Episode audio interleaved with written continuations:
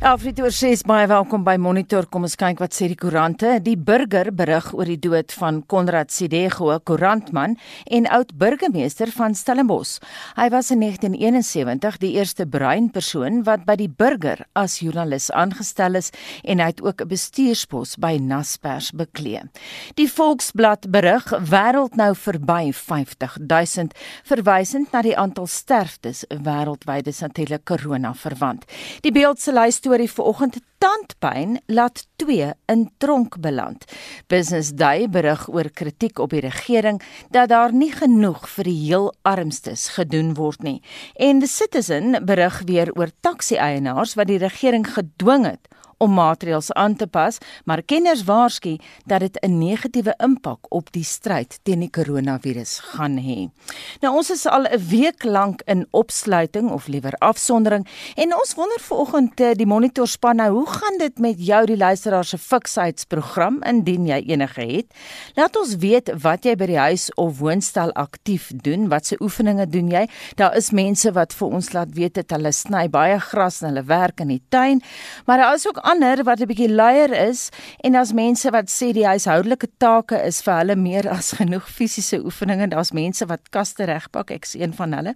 Of ons wil weet vanoggend gaan jy uh, nou maar 'n bietjie gewig aansit en net heerlik sit in 'n uh, kuier daar in jou sitkamer en TV kyk of gaan jy 'n ander plan maak? Laat ons weet, wat is jou fiksheidsplanne?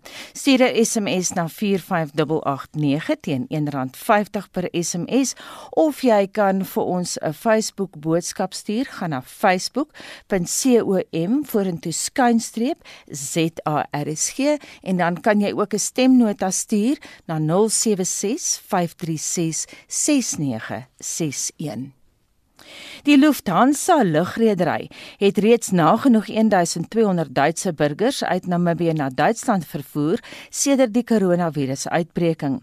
'n Vlug het gister in Windhoek aangekom met 48 Namibiërs wat in Europa gestrand was. Frikkie Wallis het meer. Lufthansa het ook addisionele vlugte vir vandag en Saterdag ingestel om mense hier te kom haal.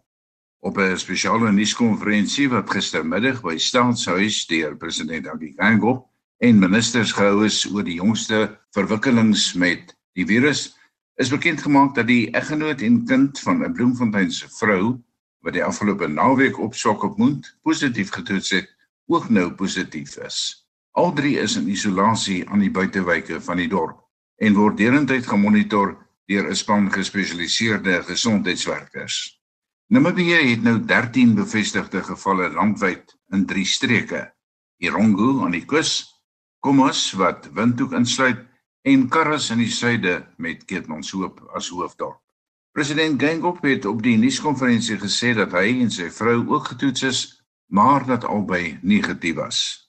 Die minister van Finansies, Ipumbu Shihimi, het gister verwys na 'n hulppakket wat deur die regering beskikbaar gestel is vir mense wat hulle werk weens die virus verloor en saakondernemings kan help wat hulle deure gaan sluit.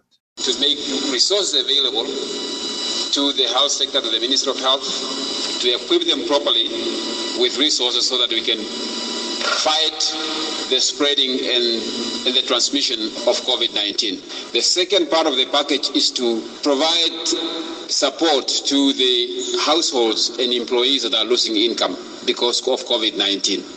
So, in other words, to protect income and jobs. The third part of the package is to protect businesses from closing down because we need these businesses to keep the economy going so that when we recover from COVID 19, we are well positioned to grow the economy at a high level. Die minister van Finansies in Namibië, Ipumbu Shihimi, hy sê daar sal seker gemaak word dat geld uit die fonds nie in die verkeerde hande beland nie. Vergeef alles, swak op mond. Namibië. Terug in Suid-Afrika, die minister van Justisie en Korrektiewe Dienste, Ronald Lamola, het opdrag gegee dat verhoorafwagtendes wat van minder ernstige misdade aangekla is, vrygelaat moet word. Dit is een van die stappe wat geneem word om die verspreiding van die COVID-19 virus in tronke te verhoed. Die inligting is in die Staatskoerant bekend gemaak, maar Lenay Forsie het meer. 'n Strafregkenner en dosent aan die Universiteit Pretoria, Dr. Luan Kerloos, sê verhoorafwagtendes wat kwalifiseer om op borgtog vrygelaat te word, maar dit nie kan bekostig nie, word nou outomaties vrygelaat. By implikasie beteken dit hierdie persone het doeteenvoudig net nie die finansiële vermoë om daardie bedrag wat deur die hof vasgestel is te kan bekostig nie. In die eerste plek hou dit nie 'n wesenlike risiko vir die samelewing in nie, gesien in die lig van die feit dat die hof reeds besluit het daar daardie persone kwalifiseer vir borg. Die enigste probleem natuurlik is die finansiële posisie van daardie beskuldigdes. Dit beteken egter nie dat elke Jan Rapp en sy maat vrygelaat gaan word nie. Die bedoeling van die minister is om doeteenvoudig verhoor afwagtende persone sover as moontlik uit aanhoudingsselle te verwyder. By implikasie beteken dit in elk geval daardie persone is nog steeds onskuldig totdat hulle eendag skuldig bevind word deur hof synde dat dit ons grondwet is wat dit sê. Geen persoon kan inderwaarheid aangehou word voordat hy of sy nie skuldig bevind is nie, alternatiefelik nie gevaar vir homself of die samelewing inhou en van sodanige ernstige misdaad aangekla word dat die persoon in hegtenis aangehou behoort te word tot afhandeling van die saak nie. Verder is die hof by magte om te weier dat sekere kandidaate vrygelaat word. Geen hof en geen samelewing sal verwag dat persone wat geharde misdadigers is of seker ernstige misdade gepleeg het doeteenvoudig vrygelaat moet word op hierdie stadium nie. En ek dink dit is ook nie die bedoeling van die minister gewees nie. Inteendeel, niks wat die minister in sy regulasies uitgevaardig het is so dramaties anders as wat ons in elk geval elke dag in ons howe toepas nie. En inteendeel, ek dink dit is die bedoeling van die wetgewer van die begin af in die strafproseswet. Die probleem met eintlik ingekom dat daardie magte wat die polisie het om byvoorbeeld polisieborg tog vas te stel in terme van artikel 5 uh, 59A van die strafproseswet nie tot die mate uitgeoefen word uh, wat die wetgewer van die staanspoor af bedoel het nie. Hy sê daar is 'n groot waarskynlikheid dat diegene wat nou vrygelaat word, nie noodwendig hoef terug te gaan tronk toe na die inperkingsperiode nie. Die doeteenvoudige waarheid is dat hierdie persone nou sogenaamde gratis borg of borg tog sonder fisiese betaling van 'n bedrag geld ontvang het. Inderwaarheid het hulle dus borg tog gekry, net soos enige ander beskuldigde wat verhoor afwagtend is en op die veronderstelling dat hierdie persone op die tye en plekke sal aanmeld wat deur die hof dan daarvoor geallokeer is en by wyse van hofbevel aan hulle opgelê is, sal daardie persone dan natuurlik buite die gevangenis bly totdat hulle of skuldig bevind word waarna hulle moontlik gevangenisstraf opgelê kan word alternatiefelik onskuldig bevind word in watter geval dit natuurlik ook die einde van daardie saak sal wees. Kerloos sê verder daar's nêrens borgvoorwaardes gestel om die kandidaate te monitor nie. Elke persoon wat op borgtog vrygelaat word, het sy op waarskuwing of deur 'n hof word nie noodwendig deur die polisie op 'n daaglikse basis gemonitor nie. Al wanneer dit plaasvind, is natuurlik wanneer dit 'n borgvoorwaarde is wat pertinent deur die hof gestel word. En in daardie geval sal dit beteken daardie persone moet doeteenvoudig aanmeld tydens geskeduleerde tye by aangewyse polisiestasie. Dit gebeur elke dag en ek dink nie dis sal in elk geval 'n groter probleem vir die polisie uh, daarstel nie. Inteendeel, dit gaan nie ekstra hulpbronne van die polisie verg nie Dit is ook weer eens nie uh, iets niets in ons reg nie. Dit gebeur op 'n daaglikse basis en ek dink dit kan geakkommodeer word. Wat hom betref word dan nie noodwendig 'n nuwe president geskep nie. Dit is doeteenvoudig net 'n praktiese toepassing van wat die strafproses wet in elk geval van die polisie en algemene regspraktisyns verwag op 'n daaglikse basis. Persone wat nie in die tronk behoort nie, moet nie daar wees nie persone wat op 'n ander wyse geakkommodeer kan word anders as om hulle aan te hou onder duur omstandighede vir die belastingbetaler behoort uit die gevangenis te bly totdat daardie persone eenmal skuldig bevind is waarna en op voorwaarde dit is 'n ernstige genoeg misdaad sodat daardie persone 'n langtermyn gevangenisstraf opgelê moet word hulle natuurlik eers in aanhouding permanent moet moet bly. Dit was 'n strafregkenner en dosent aan Universiteit Pretoria Dr Louwelen Kerloos Ek's Marlene Forsie vir SAK nuus.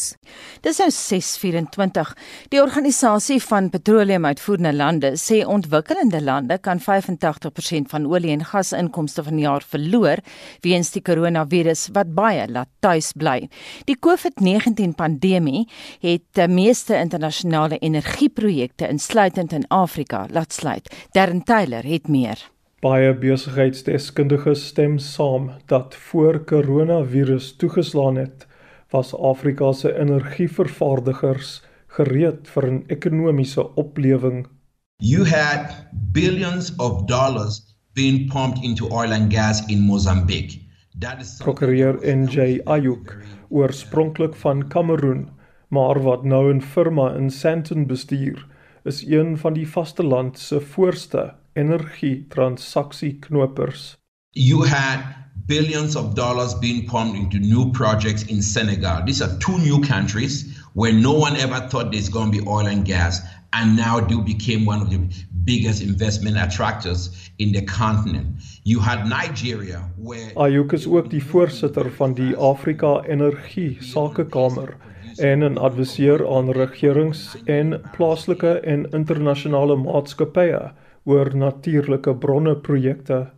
Hy sê voor COVID-19 het die vastelandse top olieprodusent Nigerië op die drempel gestaan om 3 miljoen vate per dag te produseer vanaf 'n punt van minder as 2 miljoen en die energieoptimisme soos hy dit stel het nie in Lagos geëindig nie You had a lot of African indigenous small marginal players really having hope. Some of them acquiring some of the European firms and some of them acquiring new technologies. You had African service companies really diversifying and going into distant shores like South Sudan that it was in crisis and looking at Uganda and looking at Kenya and look at everything. Maar sê Ayuk omdat coronavirus die wêreldekonomie in beginsel tot 'n stilstand gebring het, gaan Afrika se potensiële energieoplewing nou in 'n diep depressie verander. ExxonMobil has slowed down on its projects in Mozambique. Tullow in Ghana just canceled a contract with Maersk. Polacos, a seismic acquisition company, just announced that they're going to pull back. You have a lot of projects in Nigeria that are being put on hold. And that's a short term. Hy sê energieprojekte het reg oor die wêreld toegemaak. That's one of the toughest things that for me leading the African Energy Chamber, I have to deal with. I'm in constant calls with my counterparts in the United States, in Canada. And when we get employees and we get people on these video conferences and having conversations with us, the one question that I get asked is, Will I have my job next week? Can you promise me that I have my job? Maar Ayuk sê dis nou onmoontlik vir hom en ander leiers in die energiebedryf om sulke beloftes te maak weens die ekonomiese ineenstorting wat die virus veroorsaak het. It's going to cost a lot of jobs. A lot of jobs are going to get out and that's where it really touches everyday people and their lives because it's unprecedented what we're seeing right now. Hy meen dat die krisis olie eksplorasie in Afrika vir minstens die res van die jaar tot 'n einde gaan bring. In Africa, a lot of states which expect rent out of oil and gas and crude sales, they wouldn't be getting that. You know, so nobody is a winner here. We are all losers. Die meeste Afrika lande wat op olie staat maak, het hulle begrotings vir die jaar gebaseer op die verwagting dat hulle sowat 70 dollar per vat betaal sou word, maar die prys het tot minder as 30 dollar gedaal. Ayuk sê dis waar dat as gevolg hiervan gaan petrol by die pomp baie goedkoper wees, maar dit gaan ook hoër kostes van ander produkte en dienste veroorsaak wanneer die pandemie verby is. If airlines were working in full capacity because the prices have gone down, the market is not vibrant, what is going to happen is that your airline tickets are going to go up. Hy sê die skerp afname in die olieprys beteken moeilikheid vir 'n ekonomie wat 'n relatief sterk vervaardigingsbasis het, soos Suid-Afrika. Your factories are not going to work very well because a lot of it is going to be shut down. Your services which are somehow linked to oil and gas it's not going to be happening because, for example, where you get your gas from, people are trying to say, well, maybe should I store it rather than sell it and wait for the future? Everybody takes a hit. Ayuk sê state in Afrika wat alleenlik op olie staat maak om hulle lande te bestuur, moet 'n belangrike les uit die COVID-19 ramp leer. Maak planne om julle ekonomie te diversifiseer, anders is julle toekomsuitsigte baie somber. Ek is Darren Taylor in Johannesburg.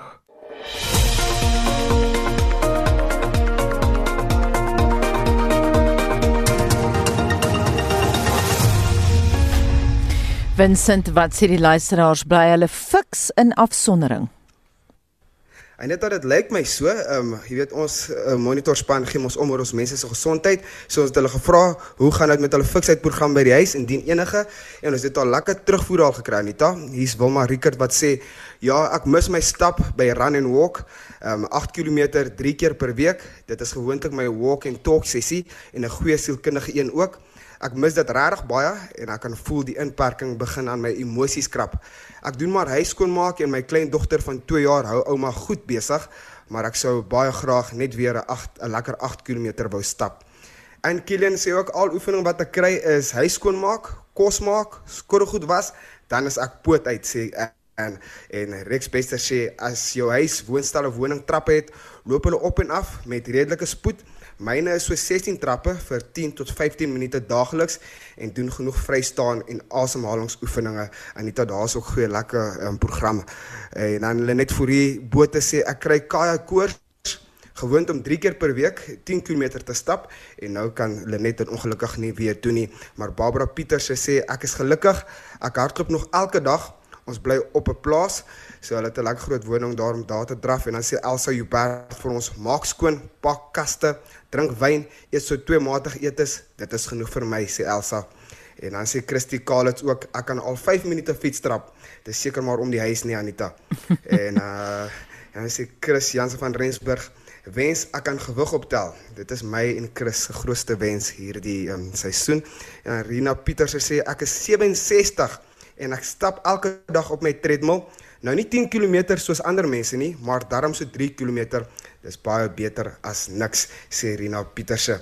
En Anita ek sal 'n laaste een hierso lees van Jan van der Westhuizen wat sê: "Gelukkig voel ons die op die plaas, um, op die groot vlaktes, nie so ingeperk soos ander mense nie. Kon gister my 20 km fietsry oefening doen sommer daar op die plas. Lekker Jan. Nou ons wil ook van ons ander luisteraars afhoor, hoe lyk jou oefenprogram gedurende hierdie inperkingsperiode? Stuur vir ons jou SMS na 45889 teen R1.50 per SMS of gesels saam op Facebook want daar klets almal lekker saam facebook.com vorentoe skynstreep ZARSG. Of stuur vir ons jou stemnota. Onthou, hou dit net 30 sekondes of minder. Die nommer is 076 536 6961. Ek herhaal hom 076 536 6961. Anita. Dankie Vincent, dis nou 6:34 en hier is Shaun Jooste met vanoggend se sportnuus. In rugby nuus, Wêreld Rugby se uitvoerende hoof, Bernard Laporte, het aangekondig dat Wêreld Rugby eers aan die einde van April sal besluit of die Unitoure sal voortgaan of gekanselleer word. Spanne uit die noordelike halfrond besoek spanne in die suidelike halfrond in Junie, terwyl dit in November net weer omgedraai word. Suid-Afrika en Skotland meet in twee toetse kragte, terwyl Georgië ook 'n draai kom maak.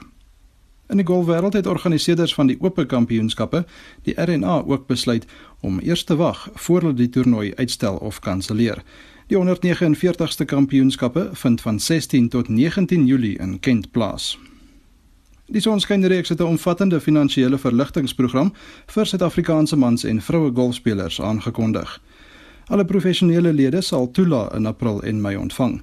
Die vroue sonskynreeks het 'n soortgelyke program vir die top 25 spelers bekend gemaak. Geregistreerde stokdraers of caddies sal ook toelaat in April en Mei ontvang. Die sonskyn, vroue sonskyn en golf RSA se uitvoerende komitees en ander personeellede het ook loonverlagings aanvaar.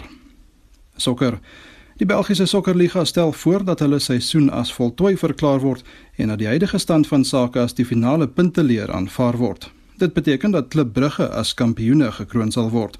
Daar was nog net een ronde oor voor die top 6 uitspelfase om die wenners te bepaal sou begin. Spelers van die Spaanse klub Atletico Madrid het loonverlagings van 70% aanvaar. Spelers van Barcelona, Juventus en Bayern Munich het ook reeds verlagings aanvaar. Spanje is die land met die tweede meeste sterftes. Die koronavirus het meer as 10000 lewens tot dusver geëis. Laastens in motorsportnuus. Die Franse MotoGP wedren wat op 17 Mei by die Le Mans renbaan sou plaasvind, is weens die koronaviruspandemie uitgestel. Die wedren sal op 'n latere stadium geherskeduleer word.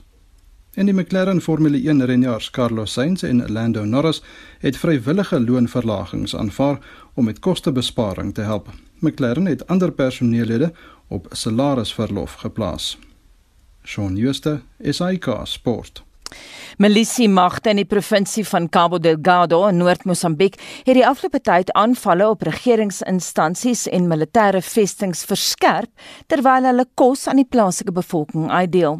Die fokus hier is die kusdorp Msimboa da Praia wat dig by die land se gasproduksie aanlegte geleë is. Boonop kry die pro-ISIS Alusuna Walyamat min teenkanting dalk juis weens die poging om burgerlikes op grondvlak oor te wen. Vir meer hieroor praat ons nou met Liesel Lou Woldra van die Instituut vir Sekuriteitsstudies in Pretoria. Goeiemôre Liesel. Môre Anita. Liesel, nou jy is die afgelope tyd hoof van die span van die SS in Mosambiek wat sake daar moniteer. Ek weet jy doen dit nou al vir baie lank. Ek wil net tog vir jou vra, die ISIS geïnspireerde groepe is al vir meer as 2 jaar in die gebied bedrywig. Wat maak hierdie aanvalle nou anders? Ja, Anita, ons kyk regtig al sedert die einde van ehm um, ja, dit was uh einde 2017 in Oktober wat hierdie eerste gevalle al begin het.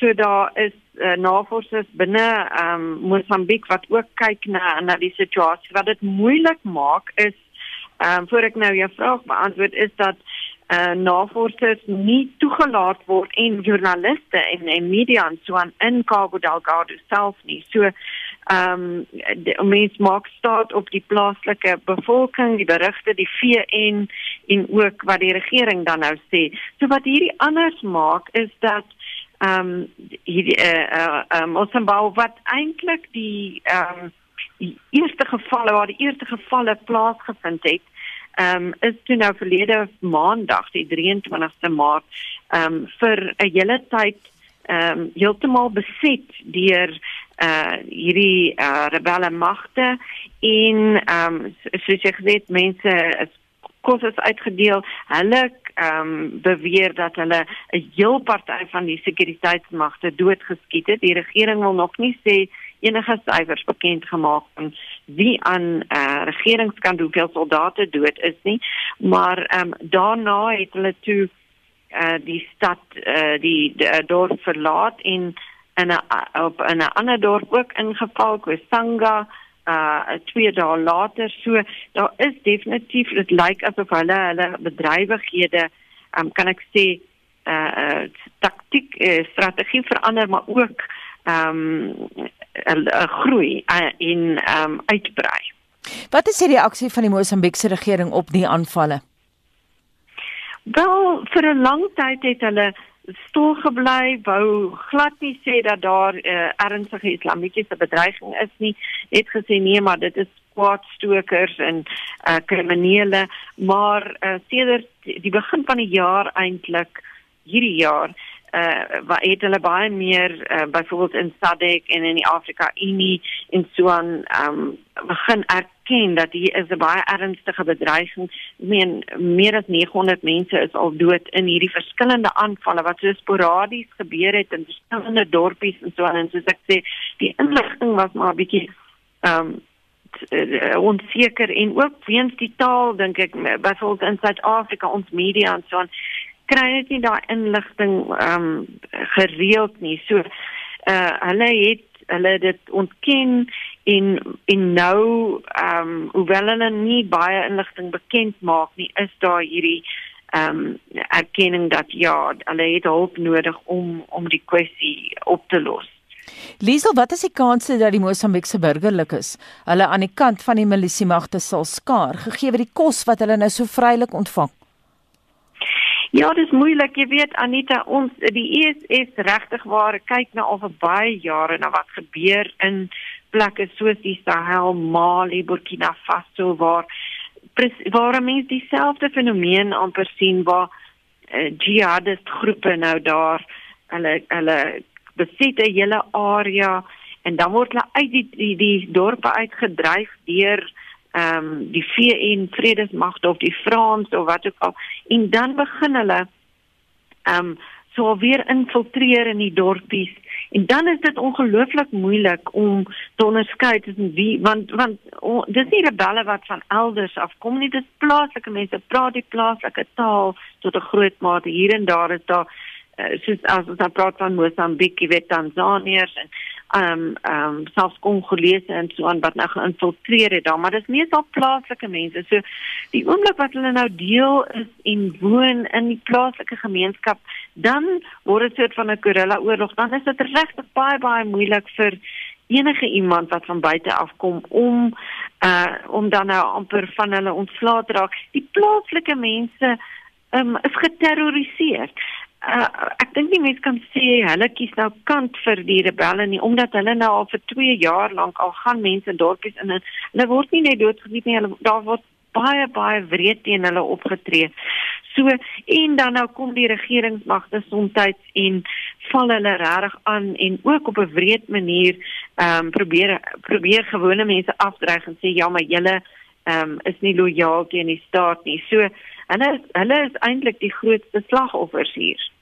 Lisa, ek verstaan die Russe is ook in die noorde van Mosambiek. Wat weet jy van hulle? Ja, verlede jaar het ehm um, president Filipe Nyusi was in Rusland met eh uh, president Putin uh, gepraat en en uh, Rusland het toe militêre hulp gegee, toerusting vir die Mosambiekse regering. Maar ehm um, toe in die middel van verlede jaar het die Wagner groep wat 'n uh, ehm um, uh, private sekuriteits uh, magte is, maar met baie sterk bande aan die Russiese regering. Um hier by die 150 170 manskappe gestuur. Hulle hulle was nie baie suksesvol nie. Daar's van hulle wat doodgeskiet is, en, maar hulle is nog in um uh ek dink dit is Nyasa um provinsie suid van um Cabo Delgado. So um hulle is nog daar en betrokke en ons gaan nou maar sien tot watter mate hulle die Mosambiekse weer mag gaan help dan. Ja. Liesel, wat is die situasie wat COVID-19 betref? Daar is nuusagentskappe wat nou geskryf het dat die gasaanlegte daar traag is om hulle werkers te laat huis toe gaan. Is dit waar? Ja, dit is moeilik om te sê. Ehm um, daar was daar berigte daar rondom ehm um, dat daar ek dink dit daar was een en uh, een van die Franse maatskappye totaal wat daar betrokke is een van hulle ehm um, werkers het uh, die koronavirus opgedoen. Ehm um, dit is vir Mosambiek baie kommerwekkend wel daar's daar's duisende mense wat terug uit Suid-Afrika is terug Mosambiek toe gewone Mosambiekers uit vrees vir die koronavirus in Suid-Afrika. Die regering het nou ook 'n um 'n uh, state of emergency aangekondig. Uh daar is 'n uh, handjie vol um uh uh um weet uh, mense met die siekte uh, interessant die um burgemeester van Maputo was by hierdie vergadering waar die prins van Monaco wat die prins van Monaco ah. aangebied het en hy het toe teruggekom en hy is um hy het COVID-19 en sy vrou. En hulle het dit waarskynlik uh, hulle het dit blykbaar ook aanvanklik stil gehou en sy vrou het dit toe aangekondig. So soos maar baie Afrika lande is die syfers nie duidelik nie omdat daar nie wyd getoets word nie en dit is nie doodseker jy weet hoeveel mense eintlik die siekte opgedoen het. Liesel net 'n laaste vraag, is daar enige gevaar dat die pro-ISIS Alusuna Wal Jamaat se bedrywighede kan oorspoel na Suid-Afrika toe? Dit is baie moeilik om te sê Anita want dis die noorde van die Mosambiek, daai paar provinsies wat 'n uh, uh, oor uh, oorweldigende moslim bevolking het, nie die res van Mosambiek eintlik nie. Baie is Nigerië, noorde, suide. Um die die groepe het natuurlik netwerke en ook geldwasery en so aan vind plaas deur Suid-Afrika baie meer gesofistikeerde bankstelsels en so het ons weet dit. Maar dat daar nou werklik weet dat hierdie ehm um, aanvalle kan oorspoel na ehm um, Suid-Afrika dit dit is baie moeilik om te sê en jy weet die daar is mense wat dit op 'n daaglikse basis monitor en ons intelligensie mense en so aan. Ehm um, ek weet nie daar daar is spekulasie dat dit dit kan uh, contain word soos hulle sê daar in die noorde van Mosambiek maar dit is dit is baie ernstig in elk geval. Baie dankie en so sê Liesel Louwel dra van die Instituut vir Sekuriteitsstudies in Pretoria. Sy is die projekleier vir daardie instituut in Suider-Afrika en ons bly by ons eie kontinent. Afrika as vrye handelsgebied tree op 1 Julie vanjaar in werking wat die onbelemmerde beweging van goedere en mense binne sekere perke waarborg. Die konsep van 'n vrye gebied is 'n ou idee, maar is 3 jaar gelede geproklaameer. Die konsep ooreenkoms en gepaardgaande protokol protokolle is verlede Junie onderteken deur al 55 lidlande van die Afrika Unie. Die vraag is, kan dit nog gebeur gegee die beperkings wat die koronavirus op ons plaas? Ons stel die vraag vanoggend aan professor Willie Breitenberg, Afrika-kenner aan die Universiteit Stellenbosch. Goeiemôre Willie. Goeiemôre Anita. President Cyril Ramaphosa as huidige voorsitter van die Afrika Unie is entoesiasties oor die idee van 'n vrye handelsgebied, maar kan ons daai sperdatum van 1 Julie haal binne die konteks van corona? Wel die datum sal gehaal word, maar die vraag is hoe belangrik uh, kan dit wees in terme van implementering uh ongeag of daar corona was of nie is dit in elk geval nog 'n baie lang tydperk voordat so 'n skema soos 'n vrye handelsgebied in Afrika wat 55 lidlande insluit uh, sommer oornag kan plaasvind. Dit is in elk geval op sy beste 'n baie lang proses wat nog voorlê. Tegniese besonderhede moet uitgeklaar word want onthou net dit gaan hier oor oorgrensbedrywighede van goedere, mense en dienste en dit uh, beteken die wat beweeg dit wat beweeg soos goedere of mense moet deur grensposte gaan en Afrika het baie grense en baie grensposte. Nie dat hulle uh, altyd uh, vreeslik effektief is nie maar dit is die goed wat nog bilateraal en in streeksverband uitgeklaar moet word en weinige van die details is uitgeklaar Die kern van die debat blyk die spanning te wees tussen die sekurokrate aan die een kant en diegene ten gunste van Afrika as 'n vrye handelsgebied aan die ander kant. Of hoe wil hy? Ja, die sekurokrate is die mense wat waarskynlik teen uh, die binnekoms van uh ongewenste mense, siek mense, misdadigers, kriminele mense en dis meer. Uh en dit hulle het nou nuwe bondgenote gekry die sekurokrate in wat 'n mens kan noem die virokrate want dit gaan nou oor die bestryding van die virus en daar is 'n uh, uh, soldate en burgerlikes wat nou daagliks hulle daaglikse werk is om vir die mense wat in kwarantyne lewe te beskerm teen uh, die virus wat nou in Afrika so in omloop is. Wil ek ho ek hoop tog so Willem Botha van die WAT luister nou. Het jy nou net 'n nuwe term geskep, virokrate? Ja, virokrate want ons bly almal in kwarantaineland. Ja, want jy het die term sekurokraat het jy tog geskep nie waar nie? Ja, ek het dit geskep, ek het dit gebruik by 'n konferensie in 87 in New York en Brian Pottinger van die Sunday Times was daar en daardie Sondag was dit 'n groot opskrif in 'n rapport uh the day of the securocrats. En uh internasionaal is die woord aanvaar en ook in Suid-Afrika word gepraat van die sekurokrate en ek het nie gedink dit is so belangrik nie maar dit is 'n woord wat geskep is. Nou ja, Willem Botha as jy luister daar het uh, Willie Breitenberg vir ons 'n nuwe Afrikaanse woord 'n virokraat. Net terug na die onderhoud toe. Willie, hoe poreus is Afrika se grense alreeds nou soos wat ons praat? Jy het nou verwys na die feit dat ons as kontinent natuurlik geweldig baie grense het. Ja, daar is 55 lidlande in Afrika, party groot, party klein. 15 van die 55 is landomslote. Uh, as ons nou net praat van Suid-Afrika self, ons totale grenslyn is 4470 km. Ons grens aan ses ander state en natuurlik ook aan die see. En uh, my vriend uh, Henry Fouché by die militêre akademie uh in Saldanha ons het onlangs 'n konferensie in Dubai bygewoon wat hy gesê het dat die mees poreuse grens in Suid-Afrika waar mense maklik aankom is in die Durbanse hawe, die sogenaamde stowaways. Uh mense wat wegkruip uh op die skepe wat die uh, ooskus van Afrika afkom en dan kom hulle van van plekke af soos byvoorbeeld Kenia of Somalië of Ethiopië of Tanzanië en Mosambiek self. En om in Durban van 'n skip af te klim is glo baie maklik en dan verdwyn hulle in die massas in. Uh dit is ook daarom nie verbasend nie dat een van die heel eerste uitbarstings uh wat op xenofobie neergekom het uitgespreek is deur die Zulu koning 'n klompe jare gelede en geen ander plek nie as Durban self. So met ander woorde 2 en 2 maak dalk 4 uit Jy praat nou van die feit dat Durban 'n probleem is, maar net vir 'n oomblik terug na landsgrense toe. Daar's ook 'n probleem in terme van Eswatini se grens met Suid-Afrika en dan die Lesotho grens waaroor daar baie geskryf en gekla word.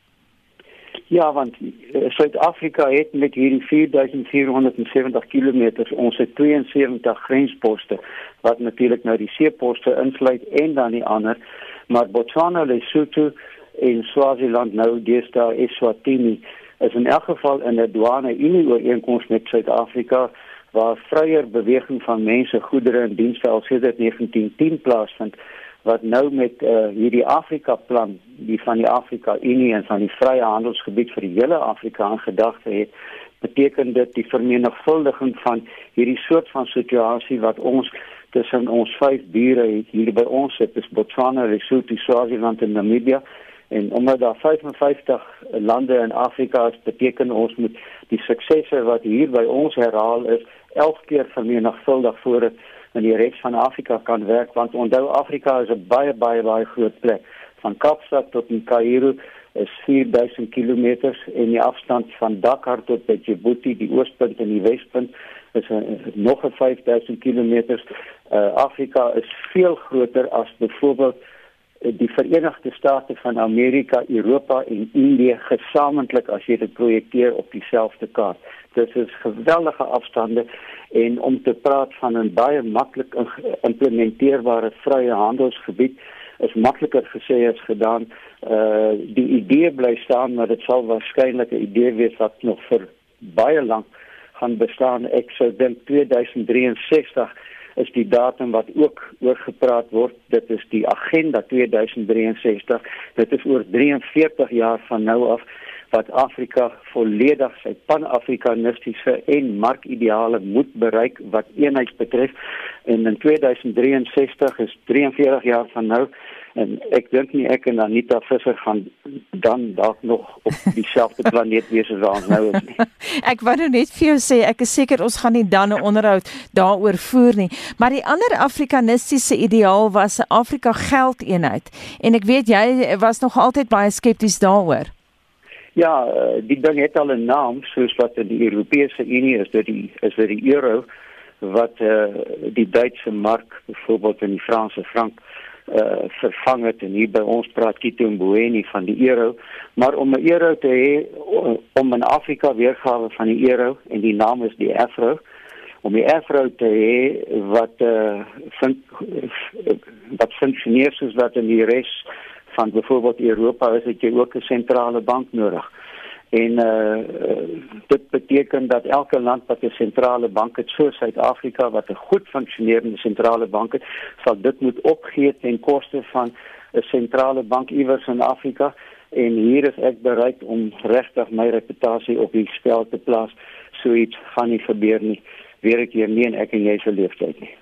Ons het nou vroeër gepraat oor die feit dat ons eie president baie positief is oor 'n vrye handelsgebied in Afrika. Belangrik wat hy dink want hy is die huidige voorsitter van die Afrika Unie. Is daar Afrika leiers en ontleeders op ons kontinent Willie wat skepties is oor hierdie idee van 'n pan-afrikanistiese ideaal, jy weet die geldeenheid. Ek praat nie net oor oor jou nie. Ek weet jy is skepties, maar oor die algemeen, is daar ander mense wat jou sienings deel? Ja, ek dink uh ook die leierskap in uh, Nigerië is ook redelik skepties. Uh hulle was ook nie aanvanklik baie gretig om sowel die Afrika Vryhandelsooreenkoms en en of die protokolle te onderteken nie. Suid-Afrika was ook maar skepties. Uh ons het gewag tot op die laaste voor dat ons dit onderteken het. Uh die kleiner landjies maak nie saak nie. Dit gaan eintlik daarom uh hoe die groot lande hieroor voel. Uh, dit is byvoorbeeld Suid-Afrika, Nigerië en Egipte. En uh mense kan al sien sê die groot voordeeltrekker uit so 'n vryhandelsgebied in Afrika gaan dalk nie een van hierdie drie wees nie, maar gaan China wees wat dan makliker sy goedere uh, wat hy uitvoer kan uitvoer en om die grondstowwe wat hy probeer invoer te kan doen. So China dink ek hou dit met groot uh, entoesiasme dop, maar vir die res is dit 'n uh, so 'n uh, esoteriese konsep amper soos wat Nepad was 'n klompie jare gelede wat uh, uh, weinig mense in Afrika al gehoor het van Nepad en dit was eintlik maar net bespreek onder um, mense wat uh, koerante lees en wat aan die middelklas behoort en weet waaroor dit gaan. Dus ons het nog baie water om die see te loop voordat ons hierdie Verenigde State van Afrika gaan hê met sy hoofstad in Addis Ababa en sy sentrale bank iewers wat nie gaan kom nie en met 'n en met 'n enkele geldeenheid. Ai, jy weet Afrika soos ek aan die begin gesê het, is veel groter as Europa vir uh, die Verenigde State van Amerika en Indië gesamentlik as jy dit projekteer op mekaar en hulle uh, hulle sukkel met hulle integrasie wat nog in 'n plek uh, soos Afrika wat eintlik maar nog steeds in baie opsigte 'n derde wêreldmilieu is. Wat jy net laastens, jy praat nou na die Chine, van die Chinese wat 'n baie groot rol in Afrika speel, ekonomies baie sterk hier en hulle is oral op die kontinent. Hoe voel hulle oor die idee van 'n vryhandelsgebied? Ek dink hulle dink hulle sal voordeel trek want hulle is in elk geval van die voorste aanleggers van infrastruktuur in Afrika. Hulle bou paaie, brûe, en dis meer is nie altyd van 'n goeie gehalte die maar as 'n vryhandelsgebied wil werk sal jy moet beter paaie, brûe en treinspore kry en feitelik die enigste moontlikheid nou wat nuwe of land wat nuwe treine en brûe en spoorlyne bou in Afrika is die Chinese vir hulle eie doeleindes want uh, China stel in Afrika belang a uh, soek na die markte en b na afsetgebied vir die produkte wat uit uh, Afrika uh uitgevoerde uh byvoorbeeld steenkool of koper of Iran gemaak word of tabak. Uh China stel baie belang in Zimbabwe se tabak byvoorbeeld en om dan uh van die sigaretprodukte weer terug te voer na Afrika. So dit is wat China betref is dit gaan dit om sy eie belang eerder as die Afrika belang. Uh maar nou dat China ook in 'n afkoelfase is, dink ek gaan ook die Chinese entoesiasme vir die vrye handelsgebied waarskynlik 'n bietjie op die agtergrond geskuif word. Baie dankie en daai mening dan van die Afrika-ontleder professor Willie Breitenberg van die Universiteit Stellenbosch is nou 659. Kom ons luister na wat jy die luisteraar sê oor fiksheid tuis. Môre, dis Jan. Ek uh oefen al die jare by my huis. Ek het my eie ligtigte gewiggies en tropfiets en sulke steppertjies waarop ek op en af klim. Ek oefen 5 dae 'n week, gemiddeld 'n uur elke dag. So vir my is dit niks snaaks nie. En ek is 'n blinde persoon en ek is al my hele, hele lewe is ek nog altyd fiks. Baie goeie raad daar om te oefen tuis net vir luisteraars wat dit gemis het.